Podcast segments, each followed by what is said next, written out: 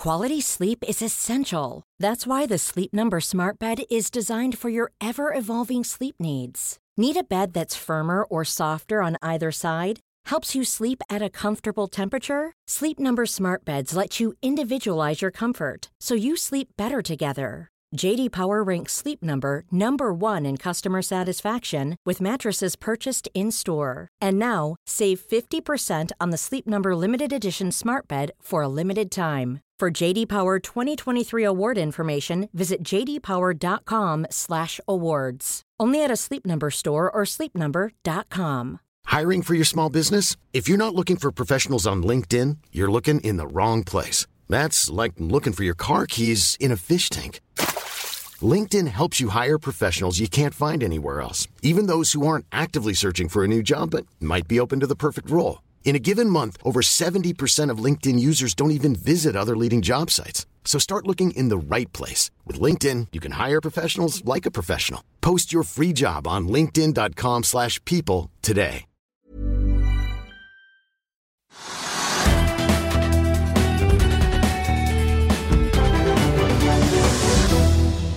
Velkommen til Økonominyhetene på denne fredag 1. april. Hovedindeksen stiger en halv prosent i dag, opp til eh, så vidt under 1268 poeng. og Dermed ser det ut til at vi får en svak oppgang for uken samlet sett. Det er eh, grønt rundt oss på børsen i Europa. Også futuresene på Wall Street peker mot en positiv åpning på ukens siste handledag. Selv etter at det altså var rødt på de asiatiske markedene tidligere i dag. Nordsjøoljen ligger nå på 105 dollar fatet, noe ned fra i går. og den amerikanske lettoljen VTI ligger nå på 99,70 og har altså bikket under 100 dollar. På Oslo Børs i dag så kom jo da meldingen om at en av de mest kjente skikkelsene i norsk mediebransje, Ole Jakob Sunde, varslet at han gir seg som styreleder i Skipsted på generalforsamlingen 4. mai. Sunde har sittet i styret i 22 år og har jo da både oversett Skipsteds overgang til digitale medier, utsplittingen av Adevinta, den internasjonale rubrikkvirksomheten altså, og andre teknologisatsinger. Den aksjen er ned 4 i dag, og Sunde sier at han vil fortsette som styreleder for stiftelsen Tinius, som også da sitter på aksjene i Blommenholm Industrier, som igjen altså da er storaksjonæren i Skipsted som både har kontroll og 25 eierskap. Gruveaksjen Rana Gruber faller tungt i dag, 9 til så vidt over 60 kroner aksjen. Storaksjonær Leonard Nilsen og Sønner Eiendom har fredag solgt 4,1 millioner aksjer i selskapet til 60 kroner stykket. Og så har Pareto, altså meglerhuset, fredag løftet sine anslag for lakseprisen enda litt til, både på kort og lang sikt. Sjømataksjene på Oslo Børs styrkes i dag, og vi ser bl.a. at Movi er opp et par prosent, samme i 3,6. Grieg Seafood stiger hele 6,3% mens Norway Royal Salmon, som hadde holdt på med en litt omdiskutert emisjon om dagen, er opp 3,3% og deres storaksjonær NTS stiger 1,7 før vi går videre i sendingen, husk at du også kan se sendingene våre ved å gå inn på fano-tv, og at vi også har andre podkaster enn bare Økonominyhetene, som Morgenkaffen, Gründerpodkasten Veien hit, Ukens vintips, Kunstpraten og bilpodkasten Mil etter mil. De finner du ved å søke Finansavisen, der du hører på podkast. Dagens sending blir i shippingens ånd, for vi skal straks høre fra Yara, som kom med nyheter om grønn skipsfart i dag, og Jaran Rystad i Rystad Energy, som forteller hva han eh, tror om energibruken i shipping fremover. Men først skal vi ta dagens aksjetips, der Sindre har sett nærmere på noen shippingaksjer som har ordentlig god vind i seilene om dagen. Krig i Ukraina, superinflasjon stort sett over hele verden og sentralbankenes rentehevinger gir voldsomt usikre markeder om dagen. Spørsmålet er hvor skal du legge pengene dine? Analytikerne anbefaler å holde seg unna vekstaksjer, og heller gå for trygge, stabile verdiaksjer. Helst også de som betaler solide utbytter. En av disse er MPC Containerships. Aksjen har tredoblet seg på børs det siste året, og betaler rundt 20% i utbytte. Det er nesten tre ganger så mye som giganter som Yara og Telenor. Arctic Securities høyner i dag kursmålet på shippingaksjen til 37 kroner, gjentar kjøp og ser med det 25% oppside fra dagens kurs. Selv etter en tredobling på børs ser altså analytikerne enda mer oppside i børsraketten. I går investerte MPC for første gang i nye skip og landet samtidig en rekke flerårige kjempekontrakter. Arctic sier de har vært skeptiske til nybygg, men mener kjøpene ikke vil ramme utbyttene på kort sikt, og heller øke dem hvis vi ser lengre fram i tid. Arctics nye oppdatering viser at utbyttene blir på 18% i 2022 og 20% i 2023. Så her er det stabil, sikker avkastning i sikte i årene som kommer. Hvis du trenger en underdog til porteføljen din, har Eirik Håvaldsen i Pareto Securities et godt valg til deg. Tor Olav Trøim timet børsnoteringen av gassrederiet Cool Company godt, eh, med gasspriser som skyter i været. Frakt av flytende naturgass har også vært brennhett den siste tiden. Trøim-aksjen har likevel bare steget rundt 9% på børs siden noteringen i februar. Det er ikke nok, mener Håvaldsen, så nå høyner kursmålet til 125 kroner per aksje. Han sier at LNG-markedet har blitt enda hetere de siste to ukene, og at kursen til Cool Company henger etter konkurrenter som Avilco LNG og Flex LNG. Her er det raske penger å hente, skal vi tro Håvaldsen. Med meg i studio nå har jeg fått eh, Trygve. God fredag, Trygve. og Velkommen. Hei. Kan vi begynne, vi får gå litt fra shipping og innom elbillading. For Saptek faller over 7 i dag. Ja, men det er vel bare et uttrykk for det som vi har mange steder. At det er problemer med leverandørkjedene. Og det er ting hoper seg opp, og folk får ikke deler, de får ikke maskindeler. og det, det, er masse som ikke kommer i tide. og Når da det ikke kommer, så får man ikke lage produktene sine, og så blir det ikke en etterspørsel, og så faller kursene. Ja, De sendte melding i dag om at det var bom stopp i denne ja. underleverandøren West Control, som sliter med å få brikker ut av Kina. Men det er, masse, altså det er så mange tjenester og produkter man hører om, enten det er båtmotorer eller leveranser på andre måter, eller de store industrisaker, så er det problemer nå, og det har vart i mange måneder, da. men det er problemer nå. og Etter det som har skjedd i Ukraina, så er det enda verre. Så nå vil vi helt sikkert oppleve fremover at mange selskaper sier at de skulle levert sånn eller sånn, omsetningen skulle vært sånn og sånn, gevinsten skulle vært sånn og sånn. Det blir ikke det, for vi har ikke de delene vi skulle, vi får ikke levert produktene. Vi må bare si sorry til kundene. Og det er et godt eksempel på det der. Det så, for ikke så lenge siden så meldte jo Porsche at de stenger all produksjon, fordi ja. ka kabelnettet i bilene det leveres fra en fabrikk i Ukraina. Ja, det er, det er problemer. Så det er sårbarhet. Og, og, det er en ganske interessant sak som jeg, jeg har vært litt borti sånn fordi at jeg driver noe med det, men det er at etter Ukraina kom, så er det da mange ukrainere som jobber i Polen eller i Sverige eller andre steder. Og Da krigen kom, så reiste, reiste de fra arbeidsplassene sine så reiste de til hjemlandet for å krige. og Det er forståelig, og alle syns det er kjempefint. Men da betyr det også at arbeidskraften blir borte i mange bedrifter. Hoper de hoper seg opp, for de får liksom ikke gjort det de skal. fordi at de gode, flinke arbeiderne fra Ukraina de er på slagmarken. Ja. Og det er, det er, ganske ille for de bedriftene som blir rammet. Men altså kan man ikke klage. Altså, en bedrift får ikke levert de produktene de skal, eller tjenestene de skal. Men de som reiser fra jobben som de skulle gjort, de skal krige.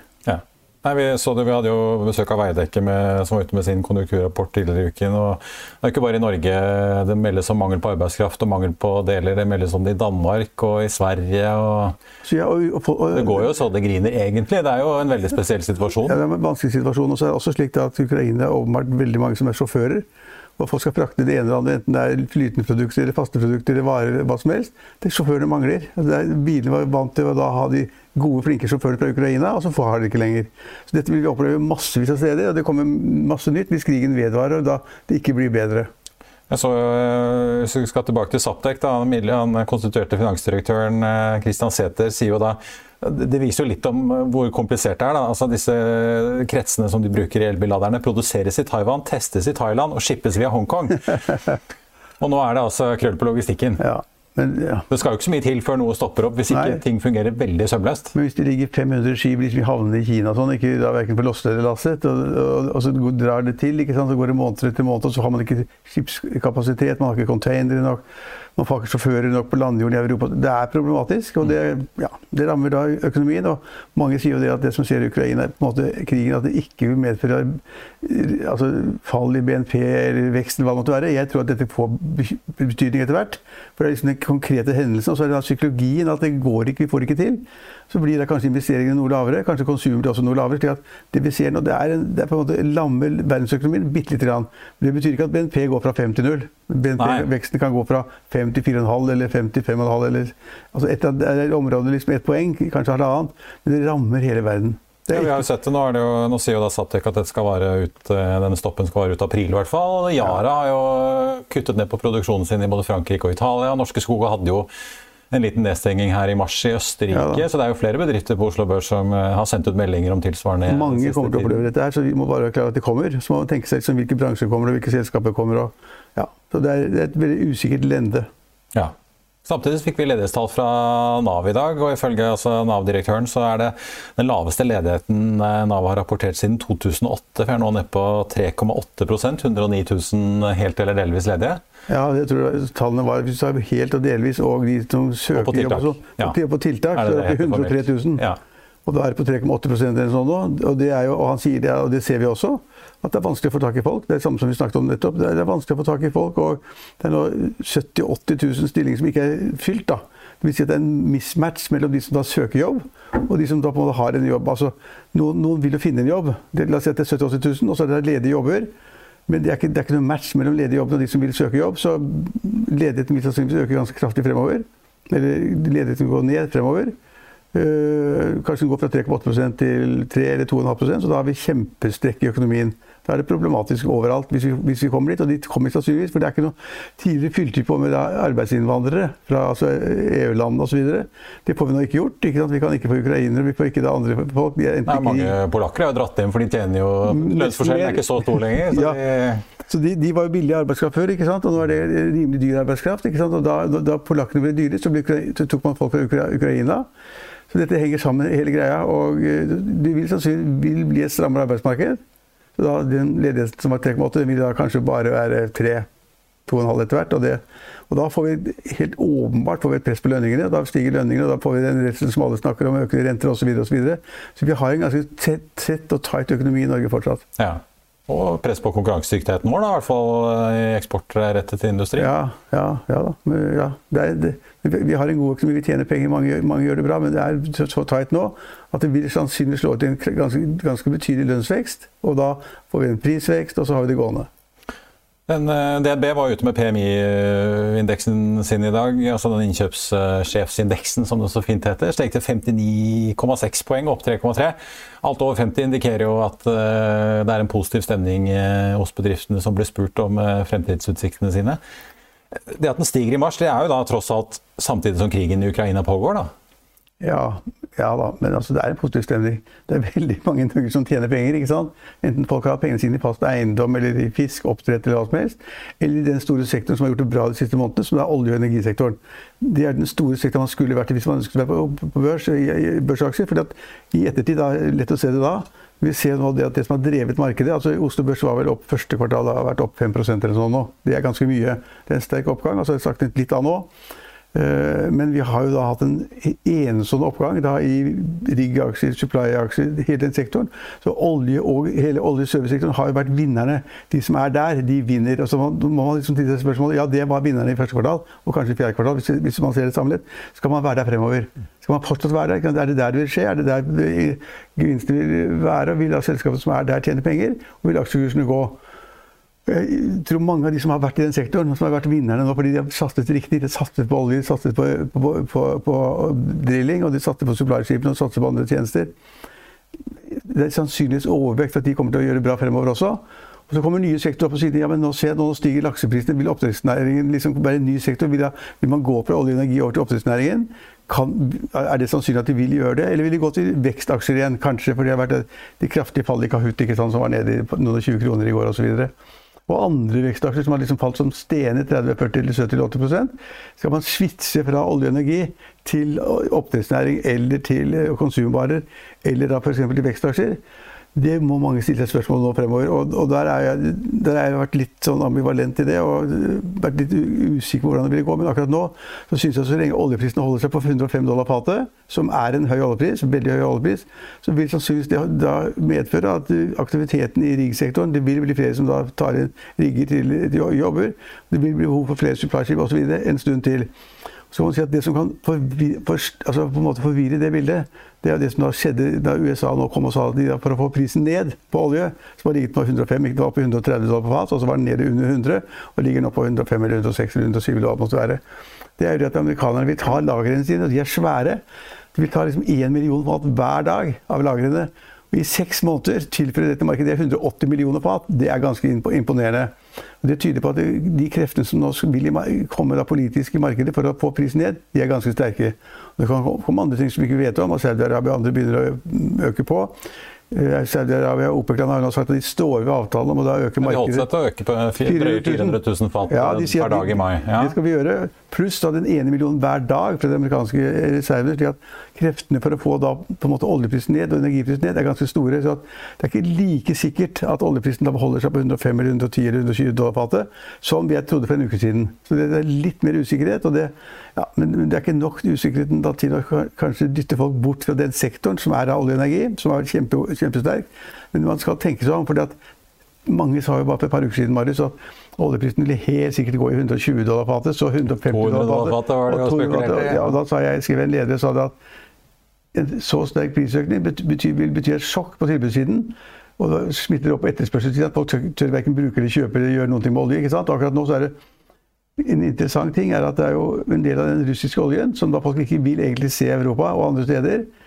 Så har det ikke altså, man kan ikke se i tallene at russerne liksom da mistet 4 millioner fat av markedet i Europa ennå. Men vi vet hvis vi snakker med folk, at folk tør ikke bruke den oljen. De tør ikke, Tankskipene tør ikke ta om bord oljen. Ikke ta med ildtang. Ikke ta med ildtang. stuck med den. Ja, så Noen sier at allerede nå, og det som ikke er offisielt sanksjonert, da, så er det, er det da 3 millioner fat per dag som russerne ikke blir kvitt. Hvis du blir kvitt den, så er bare til rabatterte priser. Så, så, så hele oljesektoren har vært kjempegod for investorer i markedet, men det er, det er litt, mer, altså litt mer sånn skummelt i de kommende månedene, fordi da så mange griper inn i markedet. Så vi må ha en endring. Og så kan også krigen opphøre. Og da, da, da blir det ingen sanksjoner, og da vil oljen fra Russland strømme fritt, kanskje. Hvis det da ikke kommer regler om det etterpå, en straff eller et eller annet. Hvis ikke det kommer, så da vil den russiske oljen strømme fritt igjen. Pluss Saudi-Arabia, pluss Irak, pluss uh, at man da har sett de der tallene, de, de, de, de mengdene man tok ut fra USA. slik at det kan snu. Men det er store spørsmålet er, skal man fortsatt være i oljeenergi, for det var veldig vellykket i første kvartal, eller skal man gå over i andre sektorer? Og hvis du spør meg om skal man, skal man gå i tekstsektoren, nei. Tekstsektoren er helt utsatt. og de der gevinster, Det er for tidlig. Det er altfor tidlig. Og de pengene som de skal tjene om 5 eller 10 eller 15 år, de er så usikre at de vil ikke satse fem øre du på. nevnte at Oslo Børs var opp ja, drøye 5 eller noe sånt så langt i år. Men eh, vi har jo sett eh, altså, Sverige, som er mye mer tech-eksponert enn Oslo Børs, har jo vært ned som, eh, godt over eh, 15-20 Ja. siden nyttår. Så, så åpenbart så er det jo Kan man jo kanskje liksom begynne å tenke at man har en nådd en bunn der, da. Ja, men altså det, er, altså det er så langt frem til de store tekstselskapene skal tjene penger. Kahoot, som jeg snakket om mange ganger, ikke, som var oppe i 130 kroner rundt det. Og så nå er de 26 kroner og falt av 80% eller sånn. Og mange selskaper der har inntjening så langt frem i tid at nå er folk skeptiske, nå vil de ikke. Så det, men sektoren vil iallfall ikke over. Så kanskje vil man gå over i konsumsektoren, det er jeg ikke sikker på. Hvis, hvis du tar med XXL i konsumsektoren, så er det en ganske interessant ting.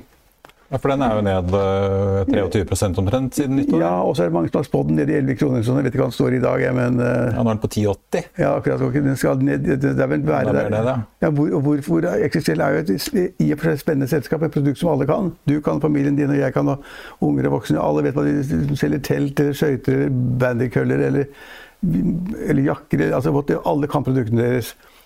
Men hvorfor går det dårlig med Excel? Det, jeg det går hvorfor vil det trolig komme et dårlig tall fra Excel etter hvert?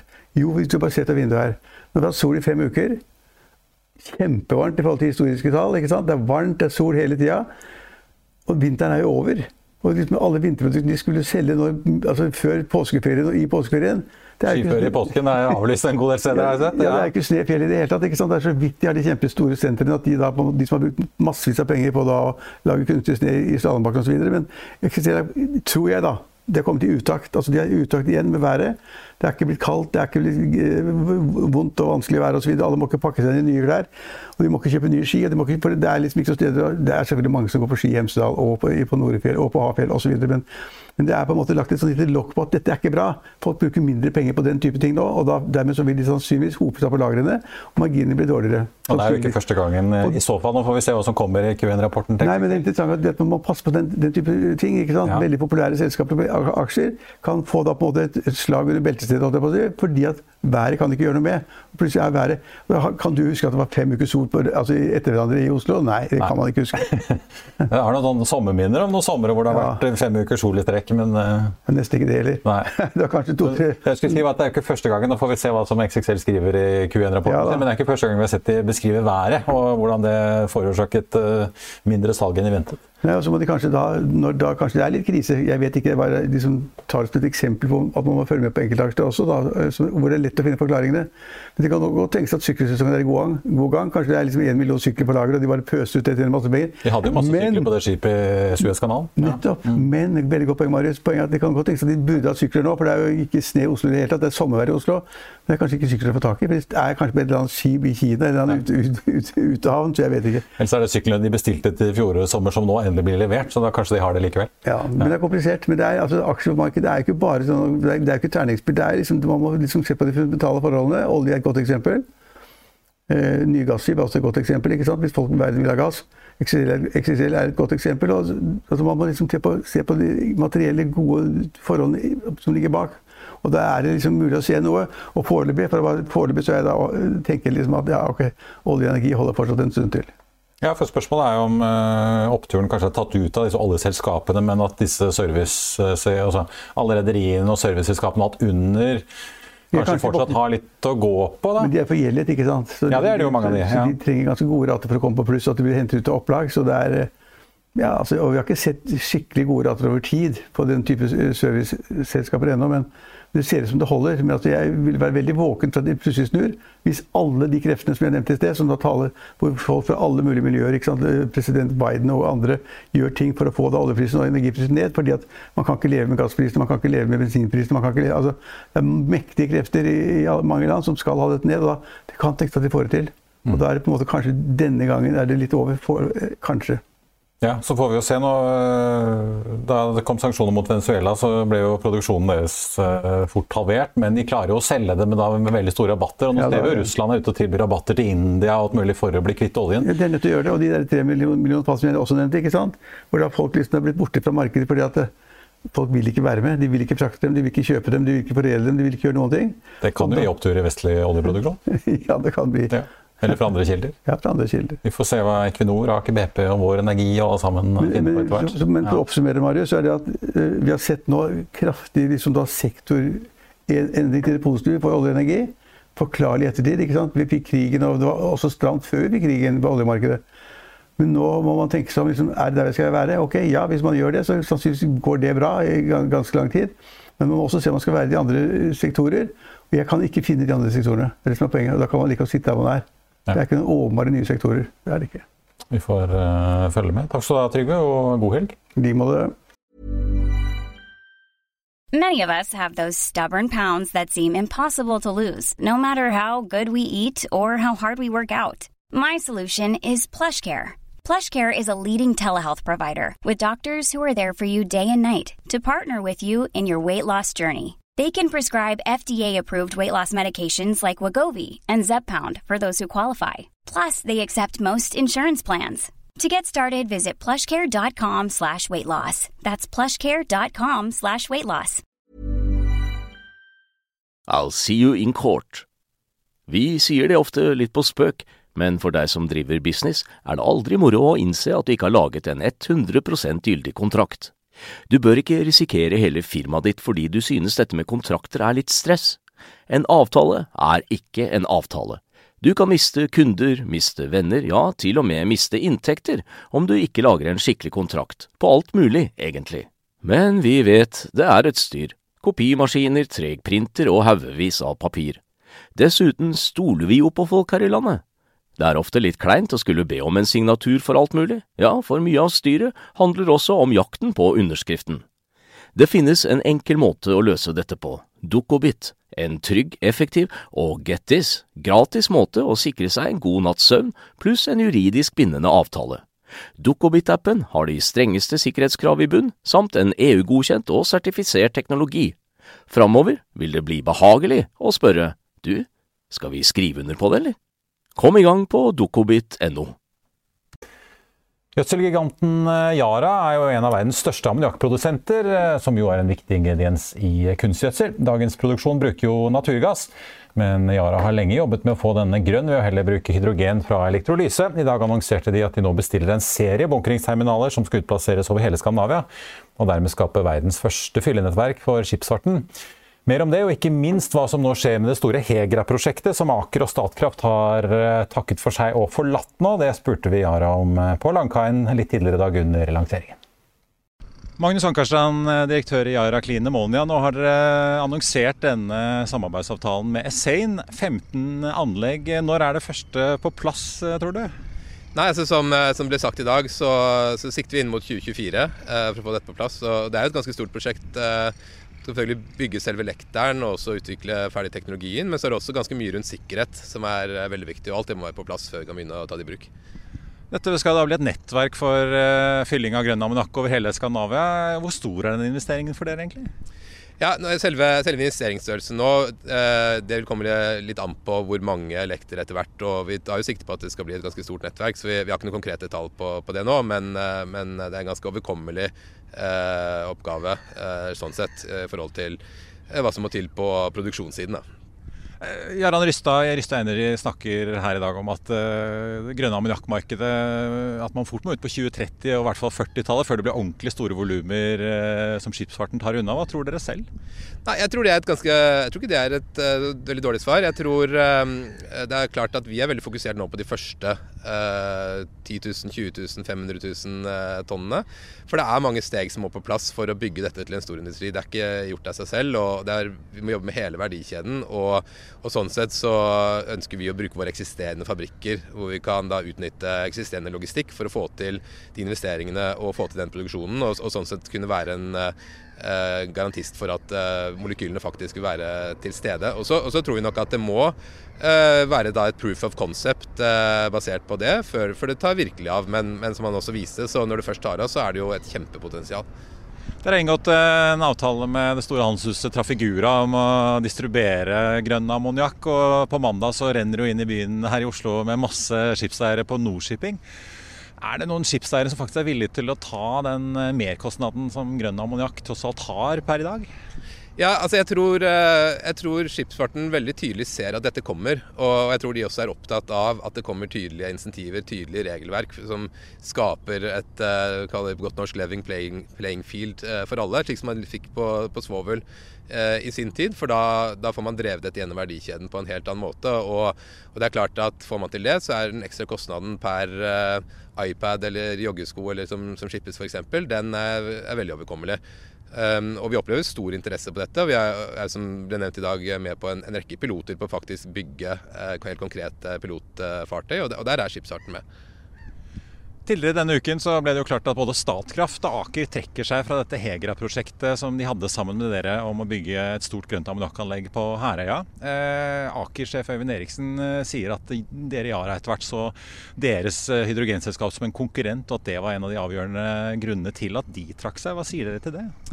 Ja, nei, vi, vi, deler ikke den oppfatningen, og, og, vi har ikke så veldig mye mer å si om det enn eh, den pressemeldingen vi var enige om uh, tidligere i uken. Så vi heier på alle hydrogen- og ammoniakkprosjekter uh, i Norge og globalt. Uh, vi tror det er veldig viktig for å få i gang uh, denne industrien. Og som Jarand Rustad også viste i dag, så, så, er ikke så er, det så er det ikke etterspørselen det kommer til å stå på, det er hvordan man klarer å få frem produksjon fort nok. Hva skjer nå med dette Hegra-prosjektet når to av partnerne har gått og dere står igjen? Driver dere det frem eh, som før, men da helt alene, eller? Ja, vi driver det nå fremover uh, alene. Uh, vi er veldig fokusert på å fjerne de 800 000 tonnene med CO2 fra Herøya. Dette er en kjempeviktig del av det store uh, fabrikkanlegget på Herøya. Og, og, det er også selvfølgelig en, en stor eh, industriell eh, mulighet. Og, og, vi er jo allerede i gang. Eh, vi har jo tatt første spadetak sammen med statsministeren på pilotprosjektet. Og der har vi nå engasjert både teknologikompetanse, men også mange lokale bedrifter inn i, i, det. Og det tror jeg er viktig for å, å, få den læringen både vi trenger, men også hva leverandørene trenger, for å kunne gjøre dette i større skala. Er dere på partnerjakt nå? Det får for, for, tiden vise. Altså, vi har, uh, Yara har mange partnerskap om jaktfabrikker. Vi har flere store joint ventures over hele verden med, med store industrielle partnere. Så vi er alltid åpne for, uh, for det. Og Yara-aksjen er opp 1,3% i dag. Utfordringen til eh, grønn ammoniakk er jo at den fortsatt er dyrere enn dagens løsning som går på naturgass. På dagens presentasjon var også sjefen for energianalysebyrået Rysta Energy på plass, og vi spurte når Jarand Rystad tror tradisjonell bunkers vil begynne å vike til fordel for nye løsninger. Jarand Rystad i eh, Rystad Energy. Nå har du vært her på lanseringen eh, til eh, Yara og Asan. Du snakket jo litt om endringene i energimarkedene. Hva tror du selv om den grønne ammoniakken? Når er den blir konkurransedyktig og at volumene kommer opp? Ja, det Volumene tror jeg kommer opp på 30, 2030- og 2040-tallet. Gradvis. Og kan bli veldig stort på 2040-tallet. Jeg tror dette er fremtiden for shipping. Ehm, og det passer veldig godt med det grønne skiftet på strømsiden, eh, fordi at eh, vindenergi spesielt den har liksom en karakter av at det er 40, nei, omtrent fire dager for hvert høytrykk og lavtrykk. Og da er det mer lønnsomt å lage hydrogen enn å bygge kjempestore batterier. For disse batteriene vil ha for, eh, for stor eh, trenger for stor kapasitet og dermed for, for få sykluser i året, så det blir for høy kapit kapitalkostnad per megawatt-time på de. Men på elektrolyseanleggene som skal lage hydrogen, så det passer mye bedre sammen med variabiliteten i vind. Så vind pluss ammoniakk pluss grønn shipping, altså pluss eller, maskiner som kan bruke det, faktisk veld, passer veldig godt sammen. Ja, så da Solparker i Spania de kan ha batterier, mens eh, når vi har vindmøller her i Nordsjøen, så skal vi ha hydrogenproduksjon for å ta alt overskuddet når det blåser mer enn vi klarer å bruke? Ja, det er riktig. Det lønner seg også å ha noe batterier, eh, for det er mange, mange, ting som kan gjøres på døgnlaster. Altså Batterier er veldig godt på det som går opp og ned hver dag. Men lengre sykluser så er det som sagt eh, eh, hydrogenproduksjon eller eventuelt vannpumping som er alternativene. Men nå er det jo begrenset hvor mye sånne pumpeanlegg vi klarer å få til på vannkraft. Så da er hydrogenproduksjon et veldig godt alternativ. Og det man kan gjøre, er å bygge sånne anlegg ute i Nordsjøen eksisterende plattformer. Og så kan du ha fyllstasjoner for skip, også ute i Nordsjøen.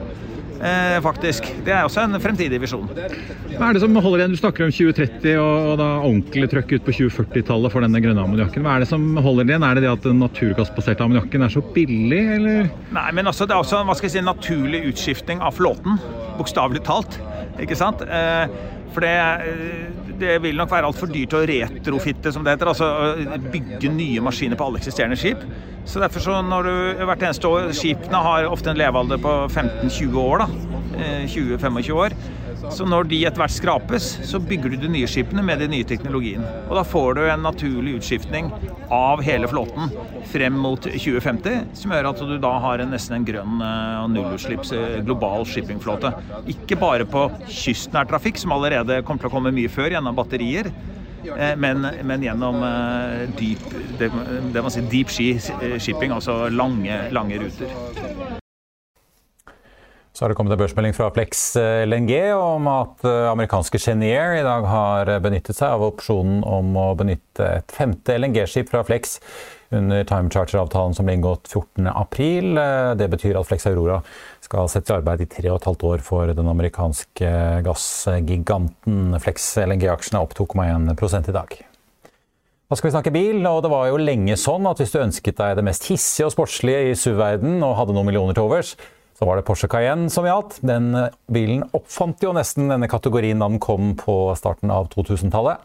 Men mye har skjedd siden den gang, og konkurrenter som Lamborghini Urus har jo kommet. Men nå slår Porsche kraftig tilbake.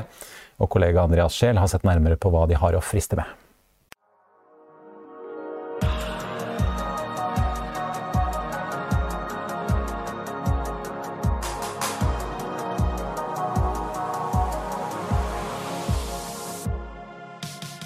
Dette er verdens raskeste SUV, Porsche Cayenne Turbo GT. Og denne bilen har nå tatt tilbake rekorden på Nürburgring. Med en hysterisk V8 på hele 640 hestekrefter, så gjør denne bilen 0 til 100 på 3,3 sekunder, på vei til en toppfart på over 300 km i timen.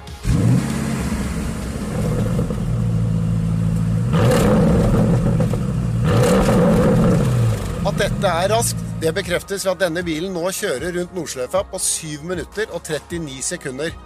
Det er like fort som McLaren SLR gjorde for bare noen år siden.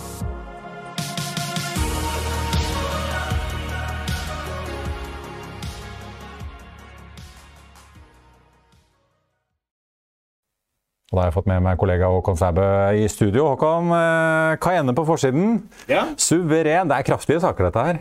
Det er, det, det er jo ti hestekrefter mindre enn den du nevnte, Urus. Så ja. hvem er det som egentlig vinner når man skal opp på fjellet i påsken? Ja, det er sant. Så, mm. så får vi si at det er ikke frifart på verken E6 eller rv. 4. Bare så folk er klar over det. Godt poeng.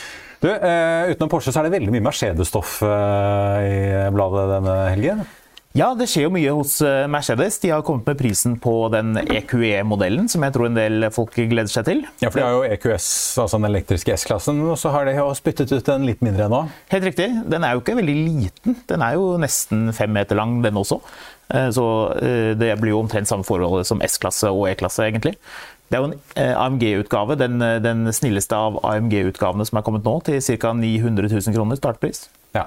Avgiftsfri og moro der, altså. Og så er det også eh, altså, to andre ting òg. Både litt sånn, hva skal vi si en klassisk Mercedes som eh, nordmenn for kanskje 10-15 år siden hadde kastet seg over, og eh, en annen Mercedes som nordmenn for kanskje 2-3-4 år siden hadde kastet seg over?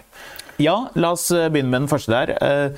Det er litt sånn Audi A6 eller A4 Eh, allroad-konkurrent. Eh, Mercedes har jo kommet litt sent eh, på der, men har nå denne all terrain-utgaven av C-klasse som er dukket opp. og Egentlig en ganske lekker bil, men diesel og ikke noe plug-in-muligheter blir jo dyrt, da. Det er veldig 2008, kanskje? Ja, kanskje lite grann. Ja. ja. Men eh, for de som har ledning og litt av alt, holdt jeg på å si, både bensintak og ledning, Mercedes har jammen meg også noe for dem?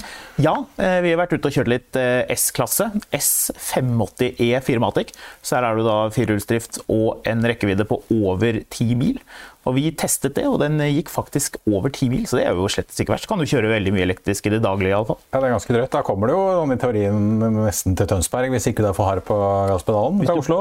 Bare cruiser. Problemet er jo at bagasjerommet er fryktelig lite, så se opp for det hvis du skal ha mange golfbager med deg og kjøre elektrisk. Da er det kanskje andre biler som er bedre. Eh, vi snakket jo litt tidligere i sendingen om eh, stakkars Aptek som ikke får eh, levert ladere fordi at de får ikke brikker fra Kina. Mm. Hvordan har det med leveransene på disse EQ1-ene? da? Klarer Mercedes å levere disse elbilene sine? Det blir jo spennende å se. Jeg vet at de har hatt litt lagerbiler på de rimeligere modellene. Vi har jo tidligere i vinter snakket om EQB. er jo en bil som man faktisk kan få tak i. Det er det siste jeg hørte nå. I hvert fall på litt sånn kort varsel. Men de andre, ja, levering over sommeren. Vi får se litt hvordan det går år. Ja. Hvis man er veldig nysgjerrig, så tror jeg man bare ringe til sin forhandler og mase litt. Mase og sette seg på lister. Ja. Håkon, eh, tusen takk skal du ha, og riktig god helg. Takk skal du ha. Da skal vi ha dagens eh, børsgrafer. Da kan vi ta en titt på markedet nå på tampen av både børsuken og børsdagen. Hovedindeksen på Oslo Børs er opp til 1267 poeng nå, 0,5% opp for dagen. Og Dermed sikter vi oss inn mot en positiv uke. På listen over de mest omsatte aksjene så er Equinor på topp. De er ned 0,3 på en oljepris som har falt litt tilbake i dag og ligger nå på øh, den, ned, ja, den ligger unnskyld, på 103 dollar og 30 omtrent øh, nå. Vi var jo på 105 litt tidligere i dag. Så Rana Gruber, der en storaksjonær har solgt seg ned, den faller hele 8,2% Og så er det da MPC Container som vi snakket om i dagens aksjetips, som er opp 5,9 Aker BP stiger for øvrig 1,9 selv om da oljeprisen er nede ned i dag. Og Norsk Hydro tikker opp over 2,2% Også denne aksjen har vi sett ganske store svingninger i tidligere i eh, uken. Og eh, det er fortsatt sånn at det er grønt rundt på det europeiske børskortet, og også futuresene på Wall Street peker mot en positiv siste børsdag der i dag.